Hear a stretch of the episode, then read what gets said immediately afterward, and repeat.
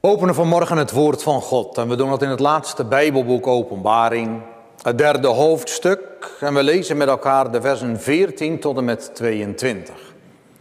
De schriftlezing deze morgen, Openbaring 3, te beginnen bij het 14e vers tot en met vers 22. Daar komt Gods woord als volgt tot ons. En schreef aan de engel van de gemeente der Laodicensen. Dit zegt de Amen, de trouwe en waarachtige getuige, het begin der schepping Gods.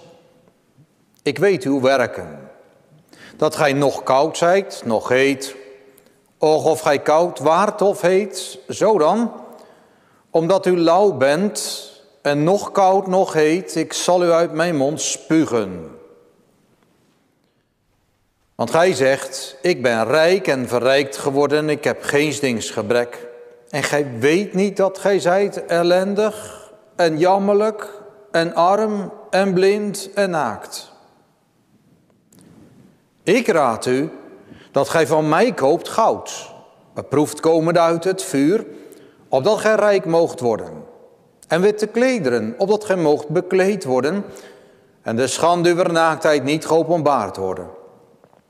En zalf uw ogen met ogenzalf, opdat gij zien mocht. Zo wie ik lief heb, die bestraf en kastijd ik. Wees dan ijverig en bekeer u. Zie, ik sta aan de deur en ik klop. Indien iemand mijn stem zal horen en de deur open doen, ik zal tot hem inkomen. Ik zal met hem avondmaal houden en hij met mij die overwint, ik zal hem geven met mij te zitten in mijn troon, gelijk als ik overwonnen heb en ben gezeten met mijn vader in zijn troon. Die oren heeft, die horen wat de geest tot de gemeente zegt. de tekst voor de prediking kunt u deze morgen vinden. Het voorgelezen schriftgedeelte Openbaring 3 en daarvan het twintigste vers. Openbaring 3, het twintigste vers wat ik nogmaals met u lees. Zie, ik sta aan de deur en ik klop. Indien iemand mijn stem zal horen en de deur open doen, ik zal tot hem inkomen en ik zal met hem avondmaal houden en hij met mij. We staan vanmorgen stil bij Christus aan de deur van het gesloten hart. Christus aan de deur van het gesloten hart. Drie punten. In de eerste plaats het de gesloten deur. In de tweede plaats de kloppende Christus. En in de derde plaats zijn genadige belofte. Christus aan de deur van het gesloten hart. In de eerste plaats een gesloten deur. In de tweede plaats een kloppende Christus. En in de derde plaats zijn genadige belofte. Wat een deur is, dat weten we allemaal. Een deur is zo'n zo'n bouwelement. Daar kun je door ergens naar binnen komen. Het geeft je toegang tot iets. Of het hindert je om ergens in te gaan. Het maakt nogal verschil of de deur achter je rug gesloten wordt of dat die voor je neus gesloten wordt. Nou, zo ging een, over een deur, lezen we al aan het begin van de Bijbel. Al in het eerste Bijbelboek lezen we al van een deur als, als, als Noach met zijn gezin en de ark ingaat. Hij gaat door die deur de ark binnen. Ja, en dat is zelfs een behoud geworden, want toen de waterstromen kwamen, toen was het die deur waarachter hij wel veilig was. En al die andere mensen die buiten die ark stonden, die allemaal ook genodigd waren om die, om die deur door te gaan, maar niet wilden, die zijn voor eeuwig omgekomen. Ze gaven geen gehoor aan Noach's oproep. Het werd een ondergang. Nou, dat is ten diepste de betekenis van, van de deur waar Christus het over heeft in onze tekst vanmorgen. De heer Jezus heeft een brief laten uitgaan naar de gemeente van Laodicea. In die stad Laodicea, u kent misschien de, omgeving, dat is namelijk in het huidige West-Turkije. Daar lag de stad Laodicea. Het was een van de zeven gemeenten in de streek die Klein-Azië werd genoemd. En naar die zeven gemeenten heeft Christus een brief gestuurd. Alle zeven. De evangelie is daar terechtgekomen. En het is zo'n 50 jaar nadat Christus ten hemel is gevaren dat hij die gemeente een brief stuurt. Dat evangelie heeft uitwerking gehad in Laodicea. Er heeft zich een gemeente gevormd. En Christus laat die gemeente niet aan lot over, maar hij schrijft de gemeente een brief. Wat zegt Christus tegen deze gemeente? Christus laat deze gemeente weten, ja maar er zit iets tussen mij en tussen u in.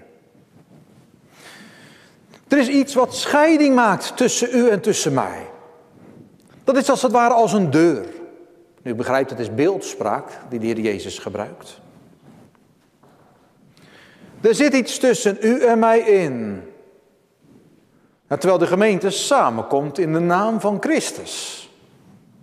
Zegt Christus tegen deze gemeente, ja, maar in werkelijkheid sta ik wel buiten de deur.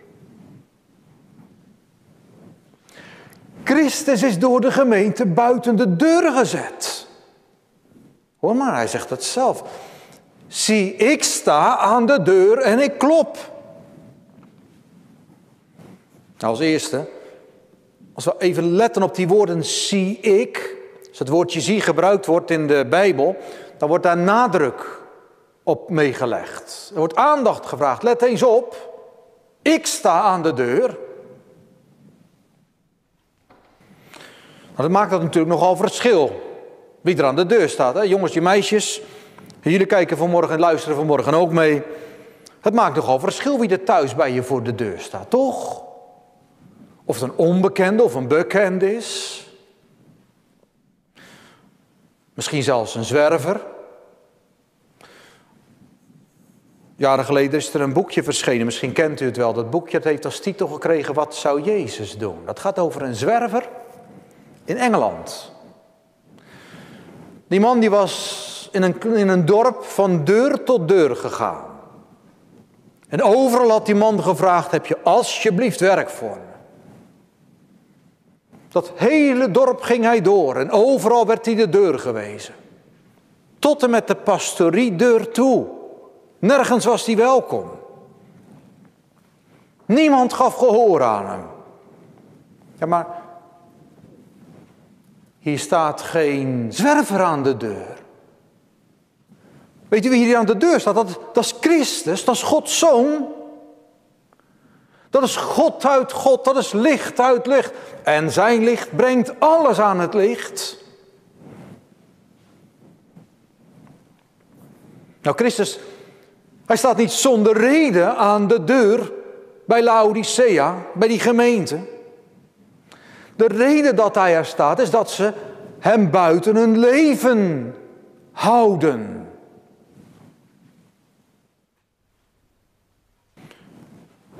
Ja, Christus zegt van deze gemeente, jullie zijn lauw. Je bent niet koud, je bent niet heet. Ja, je gaat wel naar de kerk. Je bidt wel. Je luistert wel naar de verkondiging. En ondertussen de deur dicht voor Christus. Maar hij staat er notenbenen voor. Hoor maar, hij, hij klopt op die deur. Hij is niet doorgelopen toen hij zag, wat is die gemeente lauw? Toen dacht hij niet, nou dat is zo'n koude bedoeling daar. Zo oppervlakkig, ik ga, ik ga ergens anders zijn. Nee. Hoe lauw die gemeente ook is. En wat, wat is een lauwe gemeente? Wat is een lauwe gemeente? Weet u het? Weet jij het? Dat is waar een brandende liefde tot Christus ontbreekt.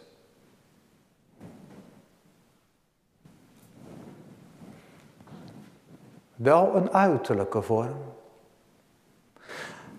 maar geen behoefte aan die persoonlijke omgang met de Heer Jezus.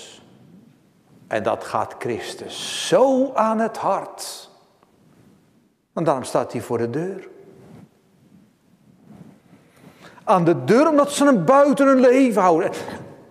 En hoewel dit voor ieder mens van nature geldt, het hart dat gesloten is voor hem, is Christus juist gekomen om die harde harten te breken. Om gesloten harten te openen. Gevoelloze harten week te maken voor Hem. Er zit dus als het ware een deur, een deur tussen Christus en je hart. Het was, het was jaren geleden dat ik met mijn vrouw in Zuid-Afrika was en we hadden een erg goedkoop hotel. En de deur op die hotelkamer, die kon alleen maar zwaaien. Die kon op geen enkele manier dicht. Ja, je kon hem wel dicht duwen, maar er zat, zat niks. Hij zwaaide zo open. Dat voelde niet zo veilig. Wat hebben we gedaan? We hebben toen een kast genomen en voor de deur geschoven. Zodat die deur toch dicht is. We hebben die deur als het ware gebarricadeerd. Hij wat voorgeschoven. Nou, dat is, dat is ten diepste ook een mensenhart. Dat je er van alles voorschuift. Voorschuift tussen God en je hart in. Er zit als het ware, ja, je zou het ook kunnen zeggen, er zitten, zitten of hindernissen voor. Iets ervoor schuiven of een grendel. En daarvoor kwam nou juist Christus in de wereld om die grens, om die hindernissen die, we, die wij ervoor geschoven hebben voor de deur van ons hart, om die, om die weg te nemen. Ja, en denkt u nou niet, het gaat vanmorgen alleen maar over mensen die God niet kennen.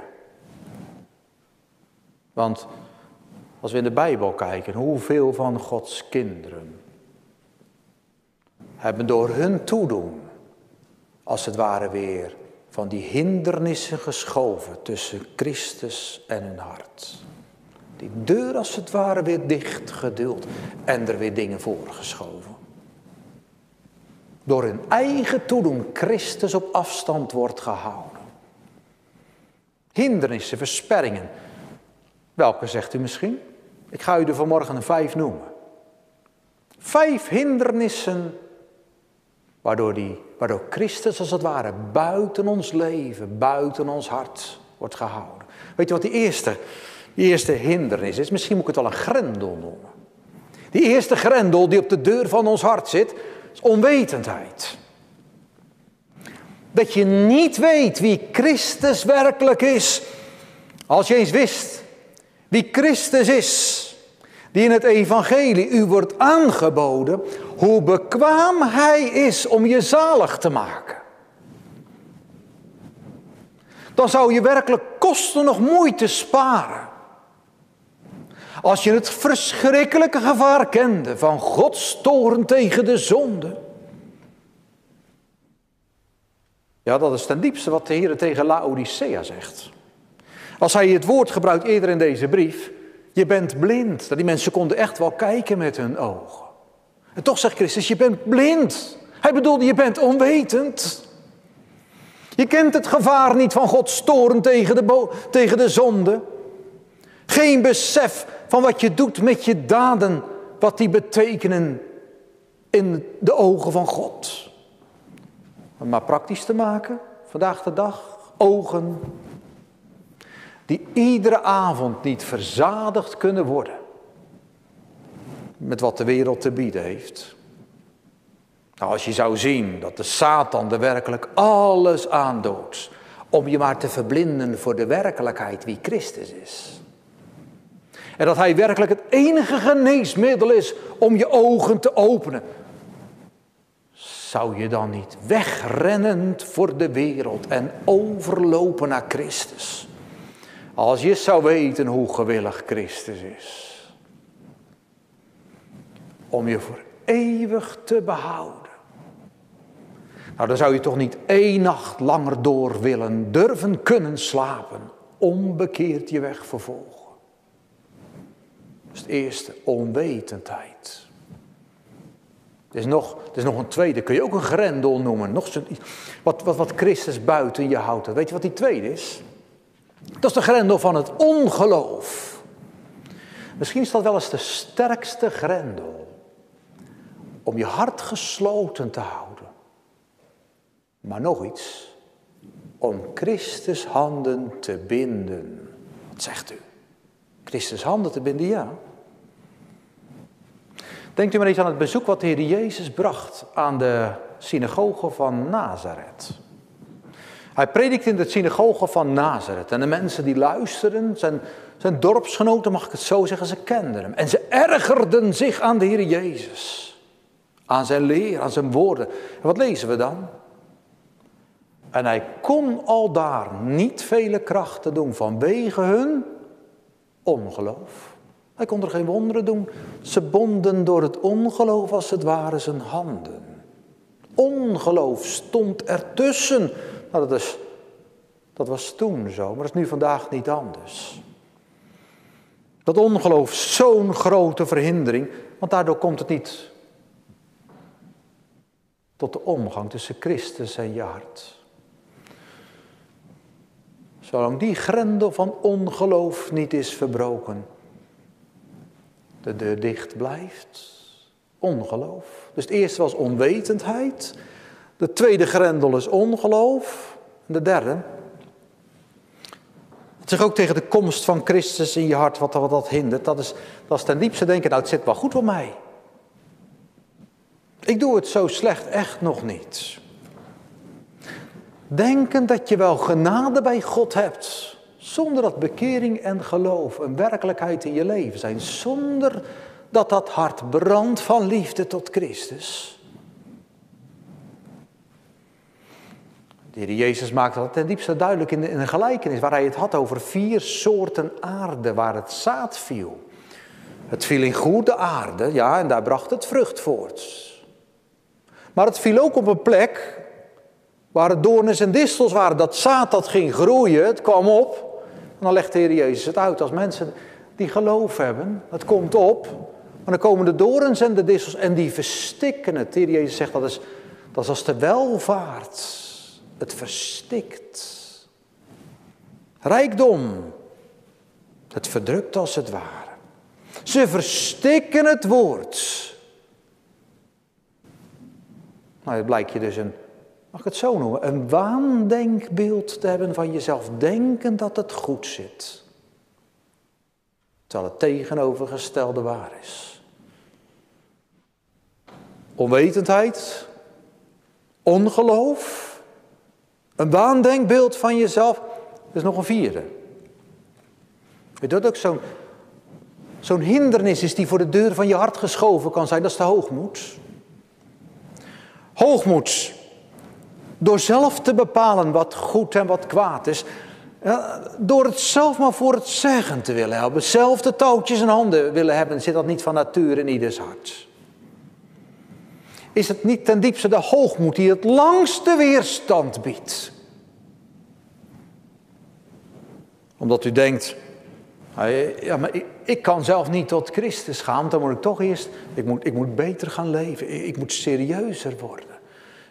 Ik moet toch eerst dit, eerst dat. En hoe nodig die dingen allemaal zijn.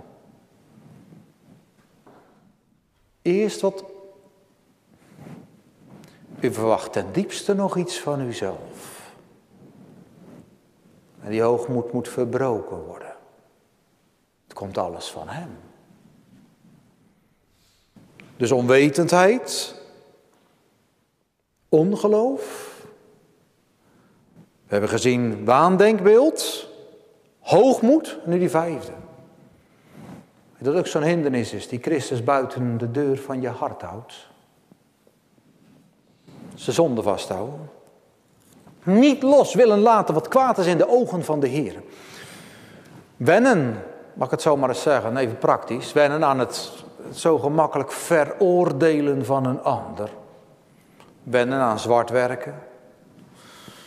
Oneerlijk zijn in je studie of in je werk, vul het allemaal maar aan. Vul het maar bij. En iedere keer als je de zonde doet, wordt de gewoonte als het ware versterkt. Toegeven aan de lusten van je ogen, toegeven aan de lusten van je lichaam.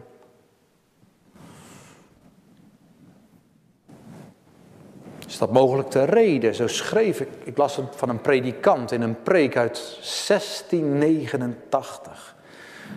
Hij schreef, is dat misschien de reden dat vandaag de dag zo weinig ouderen tot bekering komen? De gewenning aan de zonde. Zomaar vijf, vijf hindernissen. En er kunnen er nog zoveel meer zijn die Christus buiten het hart houden. Die je hart en die een hindernis zijn. Ja, maar hoe kom je van die hindernissen nou bevrijd? Hoe gaat het nou anders worden in je leven? Hoe zal een mensenhart ooit voor Christus open kunnen gaan? Voor het eerst, ja ook opnieuw, want ook als je genade hebt ontvangen, kan dat weer aan de orde zijn. Is, het nou werkelijk jou, is dat nou werkelijk uw vraag? Nou, wees dan niet ontmoedigd of teleurgesteld als de Heilige Geest je aan een van die hindernissen heeft ontdekt. Want er staat iemand voor de deur. Ik kom bij mijn tweede punt. De kloppende Christus. Zie, ik sta aan de deur en ik klop. Jongens en meisjes, in de afgelopen week mochten jullie weer naar school. Ongetwijfeld zal het ook in de achterliggende week wel gebeurd zijn.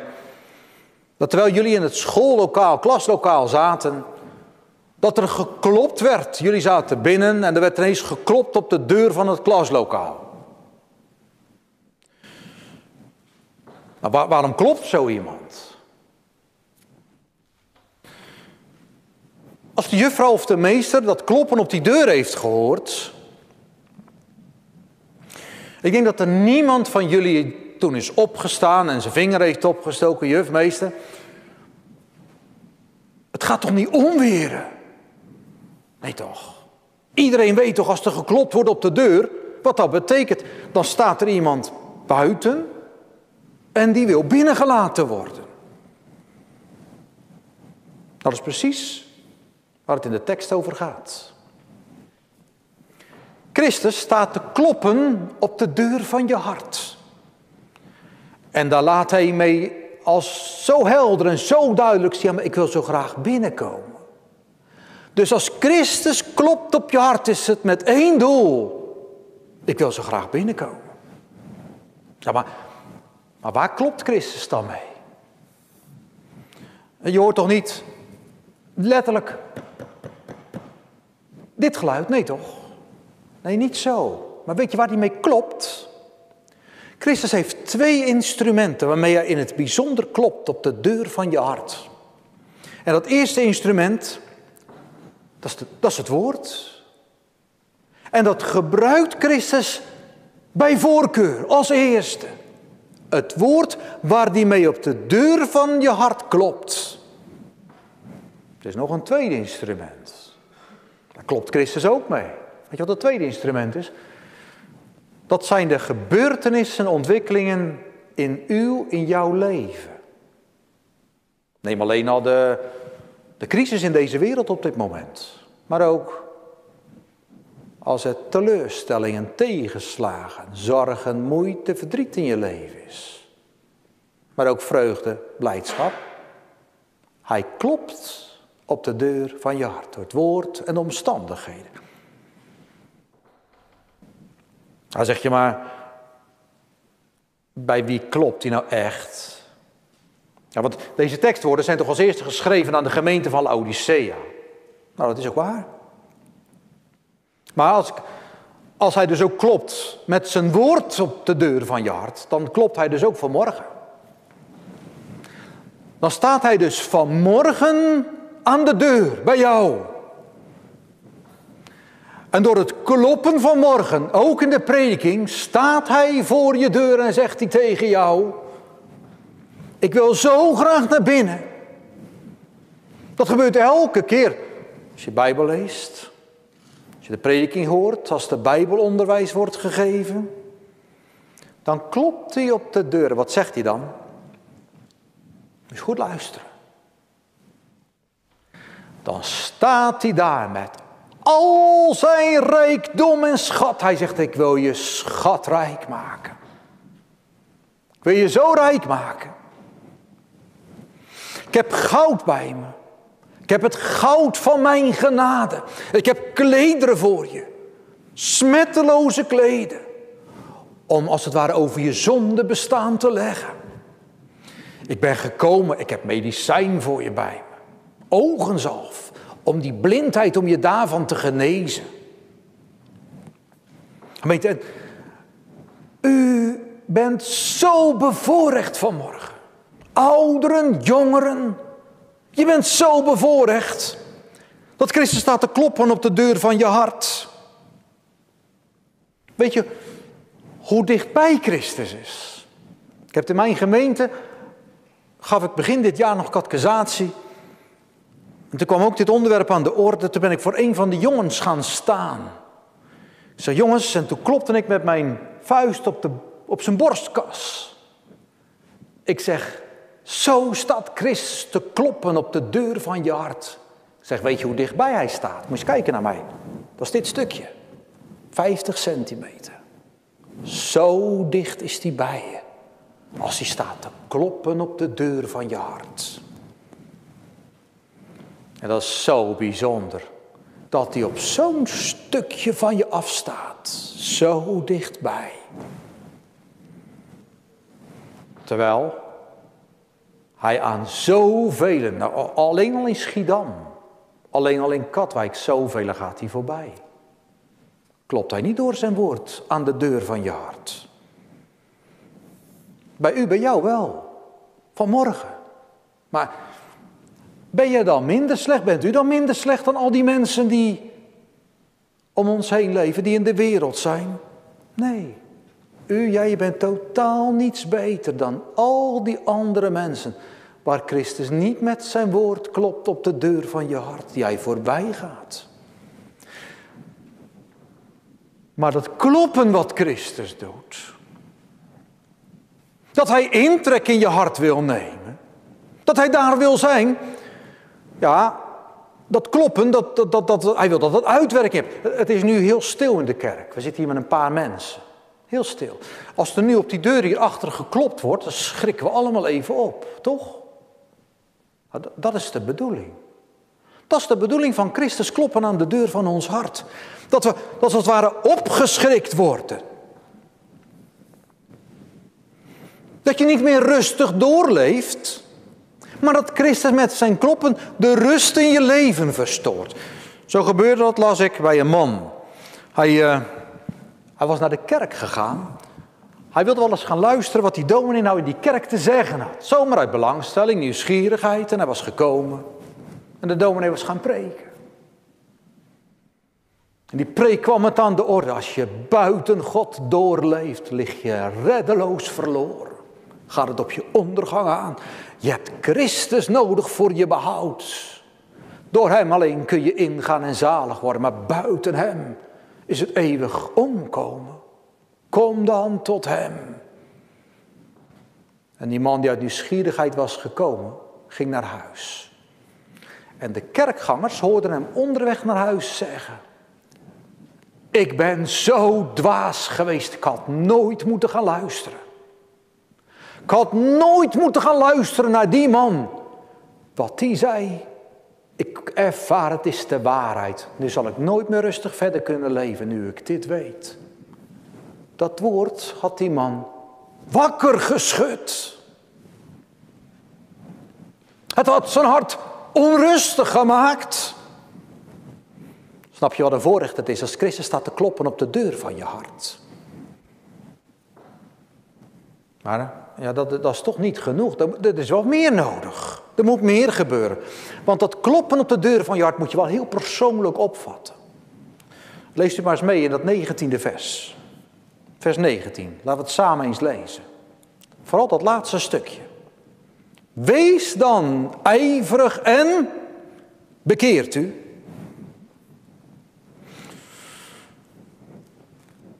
Bekering. Bekering, dat is, dat is niets minder dan je afkeren van alles wat tegen God, tegen zijn woord, tegen zijn bedoelingen ingaat.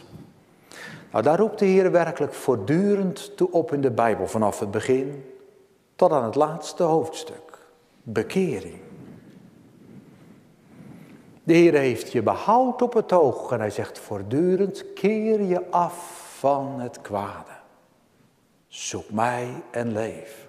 Ja, een bekering, die bekering die God van ons vraagt. Nee, ik zeg het verkeerd. Bekering is geen vraag, geen vriendelijke vraag van de Heer. De Heer doet ons geen verzoek, maar de Heer eist van ons bekering. En dat is een hele rechtvaardige eis van God. Want we hebben hem verlaten. We hebben hem onze rug toegekeerd. We zijn een eigen weg gegaan. Nou, en daarom staat ruim 144 keer in de Bijbel, bekeert u. als je dan in de grondtekst kijkt, dan zie je dat in een, dan staat het in een bevelsvorm. Het woord staat als een bevel in de Bijbel, bekeert u. Ja, die, die bekering die is voor het eerst in ons leven nodig. Maar ook elke dag weer opnieuw. Ook als je genade in je leven hebt leren kennen. Is elke dag weer een bekering nodig. Dat is de reden waarom de Heer Jezus ook schrijft aan een van die gemeenten in, in Klein-Azië. De gemeente van Efeze. Efeze waar de liefde tot Christus heeft gebloeid. Intens. Maar wat zegt Christus na zoveel jaren tegen die gemeente in de brief? Dan schrijft hij het volgende. Ik zal de kandelaar van het woord bij u wegnemen als u zich niet bekeert. Dus Christus wijst voortdurend op de verantwoordelijkheid van de mensen. Ja, uiteindelijk ook zoals de profeten het gedaan hebben. Hij wijst erop als dat vuur van de liefde dreigt te gaan doven. Want dat is aan de hand ook in de gemeente van Efeze. Hij wijst erop, net, net als Ezekiel. Ezekiel die namens de Heer en het volk op hun verantwoordelijkheid moest wijzen. En dan moet de profeet Ezekiel het zeggen. Keer weder, bekeert u van uw overtredingen. Maak u een nieuw hart en een nieuwe geest. Wat zegt u? Maak u een nieuw hart en een nieuwe geest. Dat is activistisch. Dat is activistisch. Ja, dat is waar. Ons hart is, ons, ons verstand is verduisterd. Onze wil is afgekeerd van God. Maar Heer, blijft u jou en mij wijzen op onze verantwoordelijkheid. Of we nou de Heere dienen. Of de zonde in jezelf. Daarom roept God door middel van de prediking. En dan zegt hij het zo indringend, zo welmenend bekeert u en gelooft het evangelie. Gods zoon staat te kloppen. Zo dichtbij. Zo welmenend. En als je hem nu laat kloppen. Gemeente, ik kan dit echt alleen maar met huiver zeggen. Als je hem laat kloppen dan komt er een moment als je de poort van de dood bent doorgegaan. Je zult kloppen op de hemelpoort, op een gesloten deur. Doe mij open, doe mij open. En dan zal je het van achter die deur vandaan horen.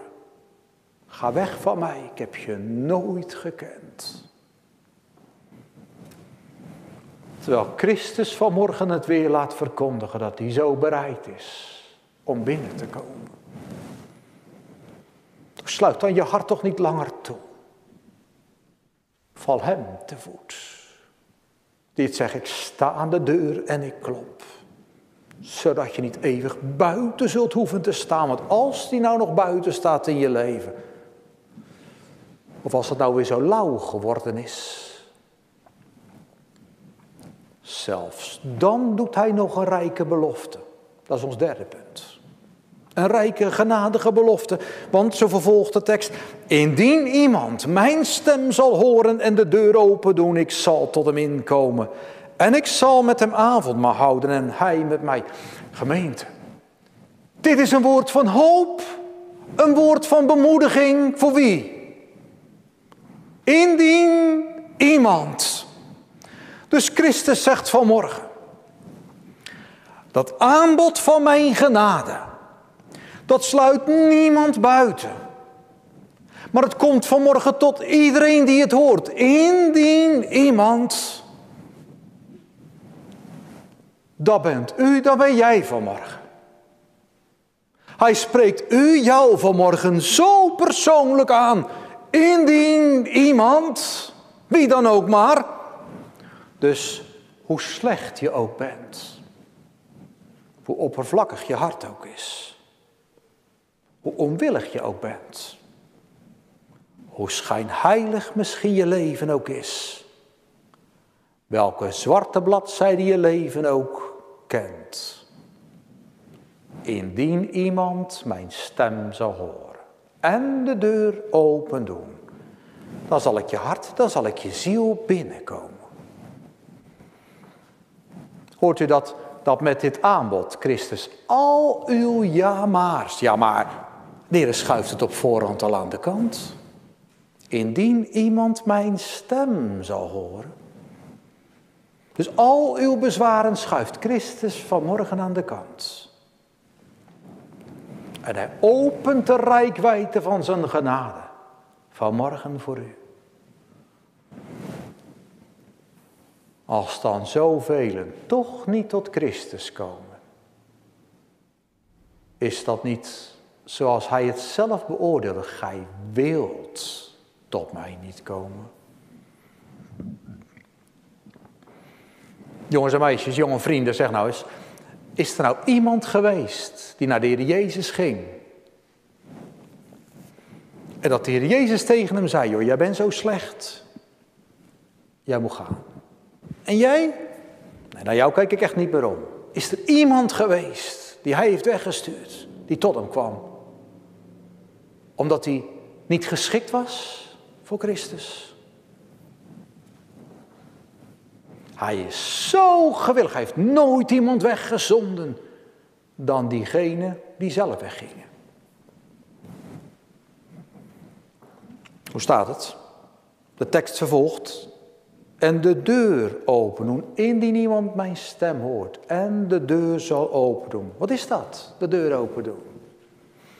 Nou, de eerste plaats, ik zei al, Christus is niet doorgelopen, hij is niet weggegaan. Toen hij zag hoe lauw ze waren, ook in Laodicea. Hij zag het wel dat die deur dicht zat. Hij ging niet verder van, nou die deur is dicht, ik ga maar door. Nee. Kijk in gedachten eens even mee. Kijk als het ware ineens even wie daar staat bij die deur. Daar staat Christus. Weet je hoe die er staat? Net als hij stond voor Jeruzalem met tranen in zijn ogen. Daar staat hij te kloppen. Moest, moest naar die hand kijken. Wat is er met die hand aan de hand? Daar zit een, daar zit een litteken in. Hij staat met doorboorde handen te kloppen aan de deur. Proef je het, hoe bewogen hij is? Als je dat ziet. Die bewogenheid. Die liefde van Christus. Zijn nodiging Zou je hart dan niet breken? Zou je hart dan niet smelten? Nou weet u, een scharnier, mag ik het zo even zeggen, een scharnier heeft eigenlijk twee plaatjes. Twee plaatjes die verbonden zijn in het midden door een pen.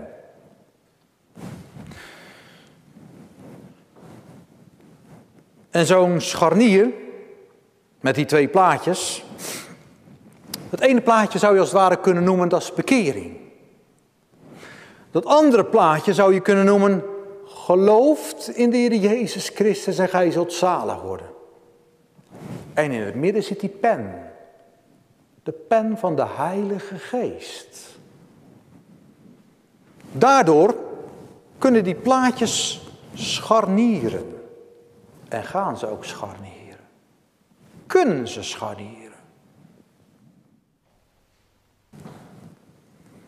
De Heilige Geest maakt dat, want dat ene plaatje zit aan de deur vast, dat andere plaatje zit aan de deurpost vast, en de Heilige Geest maakt dat scharnieren mogelijk. Nou, dan en dan gaat die deur open. Gods geest staat ervoor in dat wanneer u de prediking, wanneer u het woord leest, de prediking hoort, doden zullen horen de stem van de Zoon van God en die zullen gaan leven. Nee, dan gaat die deur niet met geweld open. Niet door kracht, noch door geweld. Door mijn geest zal het geschieden, zegt de Heer. Nou, en in die biddende afhankelijkheid gaat die deur open. Dan hoort u zijn stem in het evangelie. En je wordt van binnenuit gewillig gemaakt. Zo werkt de Heilige Geest. Die vernielt van binnenuit. Die overtuigt je dat de dingen die Christus zegt de waarheid zijn. Die niemand mijn stem zal horen en de deur open doen. Ik zal tot hem inkomen. Hoort u het? Ik zal. De ik zal spreekt. De ik zal zijn die ik zijn zal. Dit is de God van zijn woord. Dit is de God die zijn belofte vervult. Ik zal. Kijk maar in mijn woord. Mijn woorden, ze komen altijd tot vervulling. Ik zal water gieten op dorstig en stromen op het droge. Ik zal mijn geest geven. Ik zal mijn woord niet leeg laten weerkeren, maar het zal doen wat mij behaagt. Ik, ik zal zijn die ik zijn zal. Ik, ik vervul mijn belofte. En als Christus dan komt, dan komt hij niet met lege handen. Ik stort dan als het ware mijn genade als een regen over u uit. En weet je wat dan gebeurt? Dan gaan al die grendels aan stukken. Dan gaan al die barricades aan de kant. Als hij door het geloof zijn intrek neemt in je hart, hij woning in me maakt, is er dan een grotere eer voor jou, voor u mogelijk, als hij binnenkomt. En als hij dan binnenkomt, oh dan gaat alle duisternis wijken. Dan wordt in het licht gezet, dan komt hij in het licht te staan. Dan mag je je koesteren in zijn liefde, in zijn bewogenheid, in zijn ontfermende genade. Je verwonderen over zijn trouw en over zijn goedheid. En je dan mag proeven, genade is op zijn lippen uitgestort. Zo wil Christus intrek nemen door het geloof je hart. En weet je wat er gebeurt? Dan wordt de tafel gedekt. Hoe staat het in de tekst? En ik zal avondmaal houden. Avondmaal, dat betekent gemeenschap hebben met elkaar. Dan herstelt Christus de verhoudingen. Ja, zo wonderlijk. Dan is hij zelfs de gast in, net als bij die Emmausgangers. Dan is hij degene die het brood breekt. Dan is hij die zelf het brood is dat uit de hemel neergedaald. Hij de zaligmaker is die zichzelf weggeeft in de tekenen van het brood. Wat een liefde, wat een genade, wat een goedheid en trouw. Tot versterking van dat geloof komt hij zelf. En dan zegt, reikt hij het je aan. Neemt, eet, gedenkt en gelooft. Dat het lichaam, mijn lichaam gegeven is tot een volkomen verzoening voor al uw zonden. Al mijn zonden weg, vergeven door het bloed van het lam vrede met God. Gemeente, is Hij nou de vreugde van je hart geworden? Is Hij nou de blijdschap van je leven? Is een heilig leven ook jou uw vreugde? Is het ook jou uw verlangen om maar zo ver mogelijk bij de wereld vandaan te blijven? En zo dicht mogelijk bij God te leven? Gaat het, jou, gaat het u ook om Christus? Behoort u jouw hart hem ook toe? Ja, er staat iemand te kloppen. Te kloppen aan de deur. Zoals ik las bij een waar gebeurd verhaal, althans de predikant, een Schotse predikant, die beschrijft dit in een van zijn preken. Een wonderlijk verhaal. Het gebeurde eens bij een Schotse jonkvrouw dat toen zij 21 jaar werd, haar vader naar haar toe kwam en tegen haar zei: Ik heb allemaal jonge, edele mannen uitgenodigd en je zou, ik zie graag dat jij de komende week je hand aan een van deze edele mannen geeft ten huwelijk. En terwijl die jonkvrouw zich aan het kleden was, werd er buiten op de hof, op de poort, achterpoort van de hoftuin geklopt. Het was nogal indringend en een van de knechten gaat er naartoe. En doet die deur open en wat ziet hij daar staan? Er staat een bedelaar. Met een paar krukken, lompen. Wat moet je? Ik wil de, de jonkvrouw spreken. En die dienaar die smijt die deur voor de bedelaar dicht. Maar daar liet die bedelaar het niet bij. Hij pakt zijn kruk en hij gaat met die krukken op die deur staan slaan. En dat wordt binnen hoorbaar en de jonkvrouw vraagt, wat is er aan de hand daarbuiten? Nou, er staat een, eh, een bedelaar en die wil u spreken. Oh, zegt ze. Zeg maar tegen dat je even moet wachten, kom er zo aan. En die jonkvrouw die gaat met haar dienstmeisjes naar die, naar die achterdeur van de hoftuin. Ze doet hem open. En ze vraagt aan die bedelaar, wat wilt u van mij? Die bedelaar die die pakt haar hand.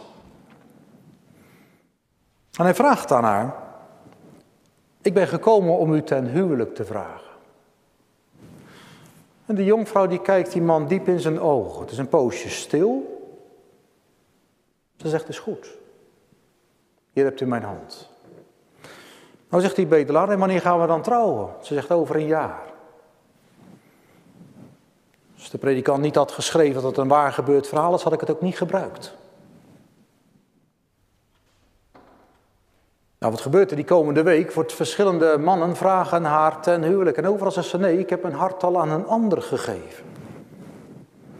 En toen haar vader ervan hoorde, smeekte hij zijn dochter om op haar besluit terug te komen. Nee, vader, ik heb die bedelaar mijn hart gegeven en het komt goed. Dat was een jaar later. Dat die kasteelheer met vreugde tegen zijn dochter zei: Gelukkig, er is niemand gekomen. Kom alsjeblieft terug. Vergeet die vreemde gelofte die je gedaan hebt. Maak mij blij. Nee, zegt ze, vader, hij zal komen. Wat gebeurde daar? Een enkele dag later kwam er een grote stoet de laan van het slot, het kleine kasteeltje op. Het was een hele wonderlijke stoet. Ridders op paarden, voetvolk, muzikanten kwamen naar de richting van het slot, het kasteel. En toen ze bij de trappen van het kasteel waren gekomen, sprong de voorste persoon, het was een koninklijke gestalte, sprong van zijn paard en liep naar de jonkvrouw toe ben nu gekomen. En de dienstmeisjes herkenden nu pas, ja maar deze koninklijke man is de zoon, de zoon van de koning.